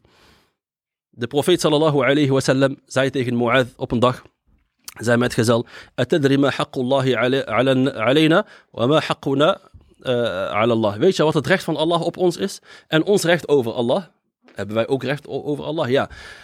De profeet sallallahu alayhi wa sallam legde het uit. Het recht van Allah over ons is dat wij hem alleen aanbidden en geen shirk plegen. Geen partner aan hem toekennen. En het recht van ons over Allah, we hebben ook recht over Allah, is dat hij ons niet bestraft als wij dat doen. Als wij tawhid hebben, dan bestraft hij ons niet. Ehm, dit waren ongeveer een beetje waarom het belangrijk is om te beginnen en om te focussen op tawhid. Je begint met tawhid en er is niet een fase van, oké, ik heb tawhid gehad, nou ga ik alleen maar fiqh doen. Of iets anders. Je begint met tawhid en je, je eindigt met tawhid en tussendoor ben je ook alleen maar bezig met het tawhid. Nou, Ja, met alleen bedoel je niet exclusief, maar Ja, blijf bezig. altijd. zijn. Je Altijd. altijd bezig. Altijd Ja, bezig, ja. nou. Natuurlijk, tawhid tawhid heeft ook gradaties. Natuurlijk, de tawhid van de profeet wasallam is niet hetzelfde als onze niveau van tawhid. Ehm eh, hoe vervolmaak ik met tawhid? Of kan ik ervoor zorgen dat het niveau hoger komt? Of, ja, natuurlijk kan ik niet helemaal vervolmaken, maar hoe krijg ik het zo goed mogelijk in Ja. mijn hart nou en mashallah. daden maakt? heel goed. Onder andere door die zeven voorwaarden die we hebben genoemd. Zeven voorwaarden voor la ilaha illallah. De eerste is kennis. Kennis opdoen. Altijd blijven lezen over het tawhid en studeren. Het tawhid ehm, lezen over Allah azza wa jal. Allah beter leren kennen. Hoe, meer, hoe beter jij Allah leert kennen, hoe meer jij van hem gaat houden, hoe meer jij hem gaat gehoorzamen, hoe sterker jouw tawhid is. Dus eh, elke, elke zonde die wij plegen, dat komt omdat wij op dat moment onwetend zijn over Allah. Onachtzaam zijn over Allah. Dus Allah beter leren kennen. Lezen over zijn namen, over zijn eigenschappen. Nadenken over zijn macht, over zijn grootheid, over zijn schoonheid. Nadenken over de schepping. Eh, en proberen zoveel mogelijk goede daden te verrichten. En eh, misschien in een andere podcast gaan we het hebben over uh, ikhlas en ria, hoe je dat kan, Ja, hoe je dat kan verwezenlijken, inshallah. Ja, uh, natuurlijk. Je hebt nu een beetje een uitleg gegeven van wat tawhid is. Dat het op de leemaat is, de hart, mm. uh, de tong, et cetera. Je hebt nu best wel een, een, ik denk een goed overzicht gegeven van wat het precies inhoudt. Wat er allemaal onder komt vallen. En wat ik heel mooi vond is de ahadith die je noemt. Want elke keer komt er iets terug. En dat is uh, waar we het over hadden, dat tawhid een levensstijl is. Ja. Um, als je kijkt naar de ahadith die je hebt aangehaald als voor de gunst van tawhid en wat voor ja, wat, wat voor je kan betekenen, waarom zo belangrijk is. Noem je bijvoorbeeld de hadith van Ibn Abbas, radhiyallahu anhuma. De profeet sallallahu zei. Als je vraagt, vraag Allah. En als jij hulp zoekt, zoekt hulp bij Allah. En dan vervolgens, als de hele gemeenschap bij elkaar is, komen van nut zijn, zoals niet van nut zijn, behalve met de gunst van Allah. En hetzelfde met het uh, schade van de persoon. Mm -hmm. Dus wat je hier ziet is, de tawhid dus niet zo simpel is als een aanbidden van een steen of rots. Ik doe het niet. Ik ben nu muwahid. Ik mm. tawhid volmaakt. Ibrahim alayhi salam, professor, een niveau. Ik ben op nee. hetzelfde niveau als hen. Maar dat het dus echt een heel leefstijl is. Dat op het moment dat je iets overkomt, dan zeg je, ik vraag Allah. Op het moment dat je iemand nodig hebt, ik ga naar Allah. Op het moment dat je iets overkomt, je denkt, Allah is de enige persoon die mij kan baten. De enige persoon die me kan schaden. Zelfs als het zelfs Mag je goed, zeggen, Allah is persoon? Ja, Ja, maar... Oh, nee, zo, dat weet ik niet. Dat is, dat is, een vraag voor mij. Allah is de enige. Wat, wat zeggen jullie, ja of nee? Huh? Mag je zeggen, Allah is een persoon? Uh, ik, volgens mij nee. ontken niet en bevestigt ook niet. Toch? Wat bedoel nee. je? Dat is tawhid al-asma wa sifat. Ja. Meteen in de praktijk. Precies. tawhid van namen en eigenschappen. Wij uh, bevestigen alleen datgene wat Allah voor zichzelf heeft bevestigd. En we ontkennen alleen dat, dat- datgene voor Allah, wat Allah voor zichzelf heeft ontkend. Persoon, er is, eh, sommige geleerden zeggen dat er bepaalde hadith, eh, dat er een shachs is genoemd, een persoon. Maar ik weet niet of je het zo kan vertalen. Dat is een ander onderwerp. Eh, ik- We praten over Allah een zoals Allah ja. over zichzelf praat. Ja. Nou, Eh, de enige, daarop. Nou. De enige die kan ba- baten en schaden. Dus dat zijn een beetje dus de effecten die je kan halen uit, uit de persoon die dan de Tawhid bestudeert. Dat, dat je ziet Mm. dat de eerste persoon waar hij toe gaat, eerst waar hij aan denkt, de eerste waar hij, dat altijd in zijn hoofd heeft, Allah, Allah, Allah. Elke keer zijn hart is gelinkt, elk moment van zijn leven aan Allah. Dus ik denk dat dat een beetje een goed beeld schetst van de gunsten van Tawhid. Is dat je altijd terugkeert naar Allah subhanahu en altijd weet dat hij er is. Altijd je vertrouwen hebt in hem, je vrees en jouw liefde, noem maar op. Ook zoals bijvoorbeeld met die mensen in de grot. Eerst wat zeiden, zoals zij niet hun telefoon grijpen. Natuurlijk konden ze dat ook niet. Maar eh, het eerste wat ze deden gelijk is... Oké, we kunnen alleen maar hier uitkomen met de wil van Allah. Door om onze daden. Weer gelinkt gelijk aan Allah. Dus ehm, dit gaf al een goed beeld erover. Maar toch kan je nog verder op ingaan van... Hoe is het leven van een persoon? Hoe kan je, kan je een vergelijking geven van een persoon die niet de Tawhid heeft bestudeerd en wel Tawhid heeft bestudeerd? Hoe dat precies, die contrast daartussenin tussen een persoon die dat wel niet heeft gedaan. nou, Naast deze ahadith die we hebben gezien. hey, nou, iemand die de tawhid niet eh, heeft bestudeerd, die de tawhid niet goed kent, die loopt het gevaar dat hij shirk pleegt, dat hij afgoderij pleegt, zonder dat hij het weet. Omdat shirk eh, heel veel vormen eh, kent en heel veel niveaus kent. Dus je zal shirk plegen zonder dat je het weet, als je, niet, als je tawhid niet kent. Daarom zien we dat zelfs profeten bang waren voor shirk, om in shirk te vervallen. Profeten, Ibrahim alayhi salam. Allah Azza wa Jal zegt in Surah Ibrahim dat Ibrahim alayhi salam zegt, Abraham, vrede zij met hem, wa janubni wa baniya an na'bud al asnam. Uh, houd mij en mijn kinderen weg van het aanbidden van, van, afgoden, van de afgodbeelden. Subhanallah. Zelfs Ibrahim alayhi salam is bang voor shirk. Zouden wij ons dan veilig moeten voelen? Uh, alayhi salam. Zelfs de sahaba. Sahaba, de metgezellen, de beste generatie ooit. Toen zij terugkwamen van een veldslag, uh, kwamen zij langs een boom van de mushrikien, van de afgodenaanbidders. En die boom heette Dhatu Anwat. Dat betekent een uh, boom waar je, waar je dingen ophangt. En zij, zij hingen daar hun zwaarden op. En zij, zij, deden, uh, zij bleven daar zitten, rondjes lopen om die boom. Zij dachten dat die boom hun zegening heeft. Dat was de, was de bron van hun kracht, die boom. De Sahaba zagen dat. Sommige van de Sahaba, ze waren nog pas moslims. Pas hadden ze de islam aangenomen. Zij zeiden, ja Rasulallah, ij'al lana dhata anwat kama lahum dhatu anwat. Boodschapper van Allah, sallallahu alayhi wa sallam, maak voor ons ook een dhat anwat, net zoals zij een dhat anwat hebben. Een mooie kerstboom, waar wij, of een mooie boom, waar wij onze dingen, onze zwaarden ophangen zodat wij daar kracht uit kunnen halen. Weet je wat de profeet sallallahu alayhi wa sallam zei? Hij werd heel boos. Hij zei, Allahu Akbar. En ze waren op weg naar de strijd. Hè? Hij zei niet van, oké, nu is het even niet tijd voor tawhid. We moeten eerst even uh, onze vijanden aanpakken. Nee, nee, nee, nee, nee. Nu is het tijd om de, om de aqida te verbeteren, voordat wij onze vijanden ontmoeten. Hij zei, Allahu Akbar, inna sunan. Dit zijn de wegen van degenen die voor ons zijn gegaan. Wallahi, ik zweer bij degenen in wiens hand mijn ziel is. Jullie hebben net gezegd, de Sahaba, jullie hebben gezegd, zoals de kinderen van Israël zeiden tegen Musa, toen zij gered werden van de farao. Zij zagen daar mensen beelden aanbidden. Meteen, ze waren net gered van de, van de farao. Net die zee overgestoken, alles. Ze zien daar mensen met beelden. Zij zeiden tegen salam, ij'al lana. Maak voor ons ook een god, net zoals zij goden hebben. Een mooi beeld voor ons, net zoals zij ook beelden hebben. Hij zei, jullie hebben gezegd, zoals de kinderen van Israël hebben gezegd, maak voor ons een God, net zoals zij ook goden hebben. Ja, dus zelfs de sahaba waren niet veilig voor, uh, voor shirk. Um, en de profeet sallallahu alayhi wa sallam heeft gezegd dat er لا تقوم الساعة حتى يلحق حي من أمتي بالمشركين. Het uur, de dag der opstanding zal niet plaatsvinden totdat er groepen van mijn umma zich zullen voegen bij de mushrikeen. Ze zullen mushrik worden. وحتى يعبد تعبد فئام من أمتي الأوثان. En de, het uur zal niet aanbreken totdat er groepen van mijn umma uh, shirk zullen plegen en anderen dan Allah zullen aanbidden. De profeet sallallahu alayhi wa sallam heeft het voorspeld. Um, dus dit is heel erg gevaarlijk. En de profeet eh, Allah Azzawajal zegt in, het, in Surah al-Kahf: bil a'mala. Zeg, zal ik jullie vertellen wie de grootste losers zijn? Akhsarin, niet Ghasirin, maar akhsarin.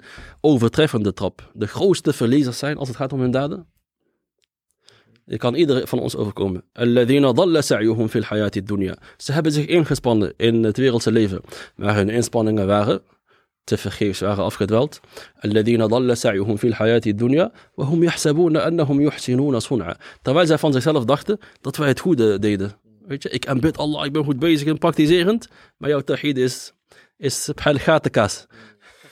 En eh, je hebt nu over shirk gehad, dat tussen moslims ook in shirk kunnen vervallen. Ehm, kan je een bepaalde voorbeelden noemen waar, eh, die veel voorkomen, waar dus uh, mensen dus eh, kunnen leren en kunnen wegblijven, inshallah. Nee. Wat in het westen voorkomt, eh, vooral. Dus niet wat ergens in de midden in de bergen Pakistan zo gebeurt, maar vooral hier in het westen vaak voorkomt qua shirk, grote en kleine shirk.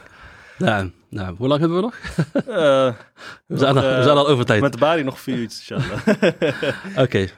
Eh, nou, shirk heeft vele manifest- manifestaties, vele vormen, vele soorten. En eh, inderdaad, helaas zien we in de moslimwereld heel veel vormen van shirk. Gravenaanbidding, graftombes die aanbeden worden. Ik heb zelf met mijn eigen ogen gezien dat een graftombe van een zogenaamde heilige persoon, dat mensen tawaf daar deden, net zoals het tawaf doen om de Kaaba, rondjes lopen. Ik zag een vrouw, zij, eh, zij liep om die, eh, om die graftombe en zij veegde met haar lichaam zo over die graftombe. Hmm, Helemaal. Ik, dacht, ik denk dat zij een kind wilde. Ja, zij wilde een kind. baraka. Nou. Ja.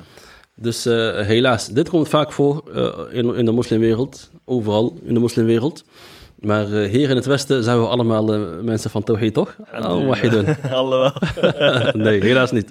Vele vormen van shirk komen hier voor. Eh, vooral bijvoorbeeld zweren bij anderen dan Allah.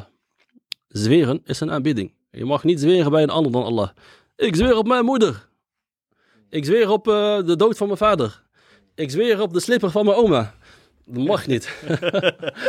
zweren is een aanbidding en dat mag je alleen toewijden aan Allah. De profeet sallallahu alayhi wa sallam zei: Men kana halifan falyahlif billah aw liyasmut. Wanneer iemand wil zweren, laat hij dan zweren bij Allah of stil zijn. En de profeet sallallahu alayhi wa sallam zei: Men halafa bi ghayri Allahi faqad ashrak.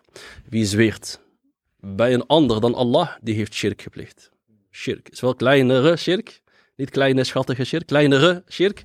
Maar nog steeds een hele grote zonde. Zo, zo groot dat de edele metgezel Abdullah ibn Mas'ud, hij zei: لأن أحلف بالله كاذبا أحب إلي من أن أحلف بغيره صادقا. Ik heb liever dat ik zweer bij de naam van Allah, maar dat ik lieg. Eh, wallahi, ik heb het water niet opgedronken terwijl ik het wel heb gedaan. Is grote zonde toch? Zweren bij, bij de naam van Allah en liegen. Hij zei, ik doe liever dat dan dat ik zweer bij een ander dan Allah en wel de waarheid spreek. Want dit is een zonde en dit is shirk. De sahaba hadden fiqh, hadden begrip, subhanallah. Eh, dus zweren bij een ander dan Allah komt veel voor, helaas hier in het Westen. Bijgeloof. Bijgeloof denken dat bepaalde dingen of bepaalde voorwerpen eh, ongeluk brengen. Zoals een zwarte kat. Zwarte kat die voor je langs loopt. Hoefijzer onder je, Een hoefijzer onder je. volgens mij onder bed of zo, dat het geluk brengt. Nou. Eh, in Marokko, ook in sommige landen, als ze een uil zien, een uil, bij een huis, dan zeggen ze van, oké, bin- binnenkort gaat iemand daar sterven. Hmm. Iemand gaat daar dood. Die uil is daar gekomen om de, de dood aan te kondigen van iemand. Dus het brengt ongeluk, een uil misschien. Ja. Die uil, eh, die, die, die, Hij is ook gewoon eten daar. die weet van niks. Hij is daar aan het chillen op het dak. Eh, in het westen, 13. Het nummer 13. Vrijdag de 13e. Of het nummer 13. Subhanallah, gewoon een nummertje. En Ze denken dat het ongeluk brengt. Of geluksgetal aan de andere kant. 7. Ja. ja. Ongeluk. We praten nu over ongeluk eerst en dan over geluk. Oké. Ehm, je bent van structuren, maar heb ik gezien vandaag. Ja, sommige dingen wel, andere dingen niet. We waren veel te laat en zo, maar alhamdulillah. Eh, ik heb gehoord, subhanallah, mensen die in eh, Amerika eh, wonen. Iemand zei dat, in New York. Hij zegt, ze bouwen daar gebouwen. Die grote wolkenkrabbers. Eerste verdieping, tweede, derde, twaalfde, veertiende. Dertiende verdieping bestaat niet. Hmm. Brengt ongeluk. Van, Zo erg. je zit zo dieper in. Ja, subhanallah, 13 brengt ongeluk. Vrijdag 13e, 13. Onder een ladder lopen, zeggen ze ook. Als je onder een ladder loopt, brengt ongeluk. Kunnen we erbij komen. Dit is shirk. Dit is shirk. En dit wordt in het Arabisch triara genoemd. Triara. Triara komt van het woord tayr. Tayr betekent vogel. De afgoden aanbidders voor de, voor de profeet Mohammed sallallahu alaihi wasallam.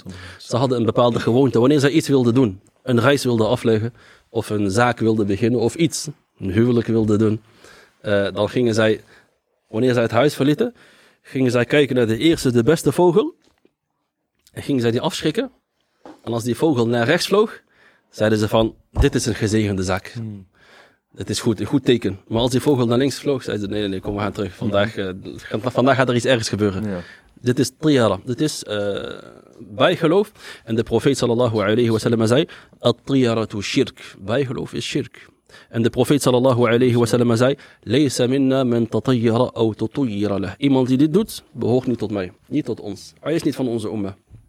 En de profeet eh, sallallahu alayhi wa sallam zei, als je dit meemaakt, kan zijn dat je iets ziet, dat, dat je denkt van, oh, ik voel me niet helemaal eh, op mijn gemak. Als je dat meemaakt, dan moet je gewoon doorgaan met datgene waar je mee bezig was. En niet dat je hiervan wordt ont, eh, eh, ontmoedigd. En dan moet je de volgende dua zeggen, zei de profeet sallallahu alayhi wa sallam. Allahumma la khayra illa khayruk, wa la tayra illa tayruk, wa la ilaha ghayruk.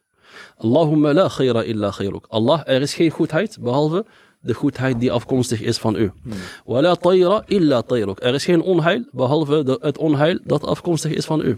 Wa la ilaha ghayruk. En er is geen andere God, geen andere eh, God die het recht heeft om aanbeden te worden behalve u. Dus denken dat sommige dingen ongeluk brengen, of de- denken dat sommige dingen geluk brengen.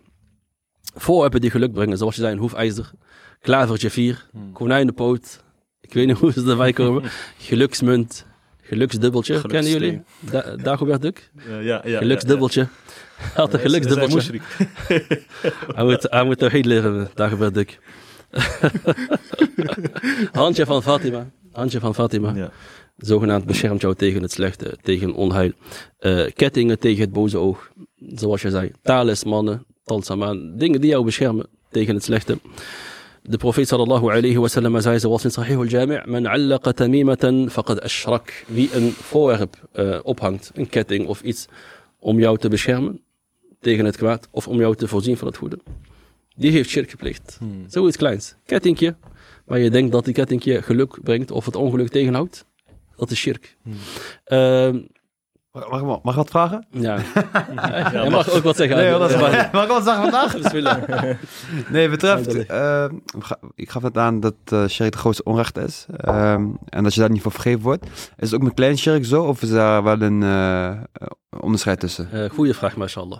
Je praat niet veel, maar als je praat, komt er, eh, komt er eh, mashallah, goede dingen uit. Allah Ik heb het goed naverteld hebben. daarom. Ik wil veel van jou leren, eh, Mahdi. Ehm, nou, je hebt grotere shirk. Grote shirk is de shirk die een persoon uit de islam doet treden. Die persoon is geen moslim op dat, op, dat moment. Maar wel nadat de voorwaarden zijn voldaan en zo. Dit heeft te maken met eh, de voorwaarden van takfir. Dat is niet aan ons. Het is niet aan ons om te zeggen dat die persoon een kafir is geworden. Niet aan ons leken. Het is voor de geleerden. Kleinere shirk, kleinere shirk is een eh, hele grote zonde. Maar die persoon is nog steeds moslim. Treed, laat jou niet buiten het geloof treden. Hij heeft al een hele grote zonde gedaan. Dus die, geen- dus kan vergeven wordt? Jazeker. Ah. Zelfs iemand die grote shirk pleegt, Ja, als die persoon vergeving vraagt in het leven, Ja. wordt hij vergeven, inshallah. Eh Hudayfa radiallahu anhu, de edele metgezel, hij zag een keer iemand lopen met een touwtje om zijn pols eh, tegen eh al-humma, tegen koorts. Pol, een touwtje tegen, tegen, tegen koorts, zeg maar. Dacht, dit beschermt mij tegen al-humma, tegen het boze oog. Wat deed hij? Als je dat in deze tijd doet, dan ben je een extremist. Hij pakte het touw en hij trok het kapot. Trok het kapot en hij zei, hij reciteerde de woorden van Allah Azza wa Jal. وَمَا يُؤْمِنُ أَكْثَرُ- أَكْثَرُهُم بِاللَّهِ إِلَّا وَهُم مُشْرِكُونَ De meeste mensen geloven niet al- eh, in Allah zonder shirk te plegen. Ze geloven in Allah, maar tegelijkertijd doen ze shirk. Ja? Dus volgende keer als je iemand ziet met een ketting, niet eraf trekken, maar eh, gewoon uh, tawhid eh, onderwijzen. Hij was Hudayfa, hij was, eh, had status. Wat nog meer? Horoscopen. Horoscopen is heel erg eh, bekend en verspreid in het Westen. Dat is ook shirk. Horoscoop, horoscoop lezen. Als je erin gelooft, dan heb je shirk gedaan. Het denken dat de sterren invloed hebben op jou, op jouw leven, op eh, datgene wat jou overkomt, dat is eh, shirk. De profeet sallallahu alayhi wasallam was een keer op reis met zijn sahaba. En zij, zij hadden grote behoefte aan regen. En ze gingen slapen en het regende heel hard die nacht. En de volgende ochtend, het was bij Al-Hudaybiyah, zei de profeet sallallahu alayhi wa sallam, Atadruna ma qala rabbukum? Weten jullie wat, wat jullie hier gezegd heeft vannacht? Asbaha min ibadi mu'min wa kafir. Vanochtend zijn sommige van mijn dienaren gelovig geworden en sommigen zijn ongelovig geworden. Sommigen zijn gelovig en sommigen zijn ongelovig. Men qala mutirna bifadlillahi wa rahmatih. Degene die zeiden, het heeft geregend door de gunst van Allah en de genade van Allah. Mutirna bifadlillahi wa rahmatih. Het is ook een dua die je kan zeggen nadat het regent, heeft geregend. Kan je in Nederland vaak zeggen, in Marokko wat minder. Het heeft geregend door de gunst en de genade van Allah. Degene die dat zegt, die is, die is gelovig. Mu'minun bi kafirun bil kawkab. Die is gelovig in mij, die gelooft in mij en die is ongelovig in de sterren. En degene die zeiden, mutirna kada wa wij zijn, het heeft geregend door die en die ster, die is uh, kafir in mij, zegt Allah. Die gelooft niet in mij, maar hij gelooft in de sterren. Als je denkt dat de sterren invloed hebben op jou, op jouw leven, horoscoop, sterrenbeeld, die, die gast is een stier, die is een schorpioen, ja, waar hebben we het over? Je bent een mens. Wat is een schorpioen? die, dat heeft helemaal geen uh, effect op jouw leven. En de profeet sallallahu alayhi wa sallam zei, من اقتبس شعبة من النجوم فقد اقتبس شعبة من السحر. Wie zich bezighoudt met deze, was vroeger een wetenschap, astrologie, hiermee bezighoudt, de sterren, wat zeggen de sterren, wat gaat gebeuren, wie dat doet, die heeft zich bezig gehouden met sihr. De profeet sallallahu alayhi wa sallam noemde het sihr, tovenarij, is een vorm van tovenarij. Zada men zad, zada ma zad. Hoe meer hij zich daarmee bezighoudt, hoe meer hij zich uh, bezighoudt met sihr. Shirk, is tovenarij. En, dus de sterren hebben geen invloed op ons. En uh, Qatada, de student van de, van de metgezellen, hij zei, de sterren hebben drie functies. Uh, en wie iets anders zoekt dan deze drie, die heeft zichzelf onrecht aangedaan. En die heeft shirk gepleegd. Ten eerste, eh, zinatun li sama, een sier voor de hemel. Walaqad zayyana sama ad-dunya bima sabih, zegt Allah. We hebben de eerste hemel versierd met sterren, met lampen. Is een sier voor de hemel. Ten tweede, eh, rojuman li shayatin, een steniging voor de duivels. De sterren zijn een steniging. Sterren, in het Arabisch met sterren wordt alles bedoeld. Alle voorwerpen die in, de, in het heelal zijn. Kan asteroïden zijn, kan eh, van alle meteorieten, allemaal sterren. Gelden als een steniging voor de shayatin, voor de duivels. En ten derde, alamat yuhtada biha. Allah zegt, wa alamat wa bin. Uh, dingen om, het om de goede weg, uh, tekens om de goede weg te vinden. Als je onderweg bent, dan kijk je van, nou die ster, ik moet die ster volgen. Tegenwoordig ook met, uh, hebben ze dat ook met, met boten en zo, volgen, ze volgen de sterren. Dus die drie dingen, daarvoor gelden de sterren. Dus horoscopen. Horoscopen is een vorm van shirk. Je mag er niet in geloven, je mag het niet eens lezen. Wat nog meer? Um, bepaalde uitspraken die je doet. Zoals uh, dankzij Allah en dankzij jou is er dit gebeurd. Dat is ook een vorm van kleinere shirk. Je mag niet zeggen dankzij Allah en dankzij jou is dit gebeurd. Je moet zeggen dankzij Allah op de eerste plaats en daarna dankzij jou. Uh, Abdullah ibn Abbas, het neefje van de profeet sallallahu alayhi wa sallam, hij zei, um, hij gaf voorbeelden van, van shirk die die mensen plegen. Hij zei, Bijvoorbeeld een zin die in, in, in eerste, op het eerste gezicht heel onschuldig lijkt. Als de hond er niet was geweest, dan was er bij ons ingebroken. Abdullah ibn Abbas zegt, dat is shirk. Als die hond er niet was geweest, was er ingebroken.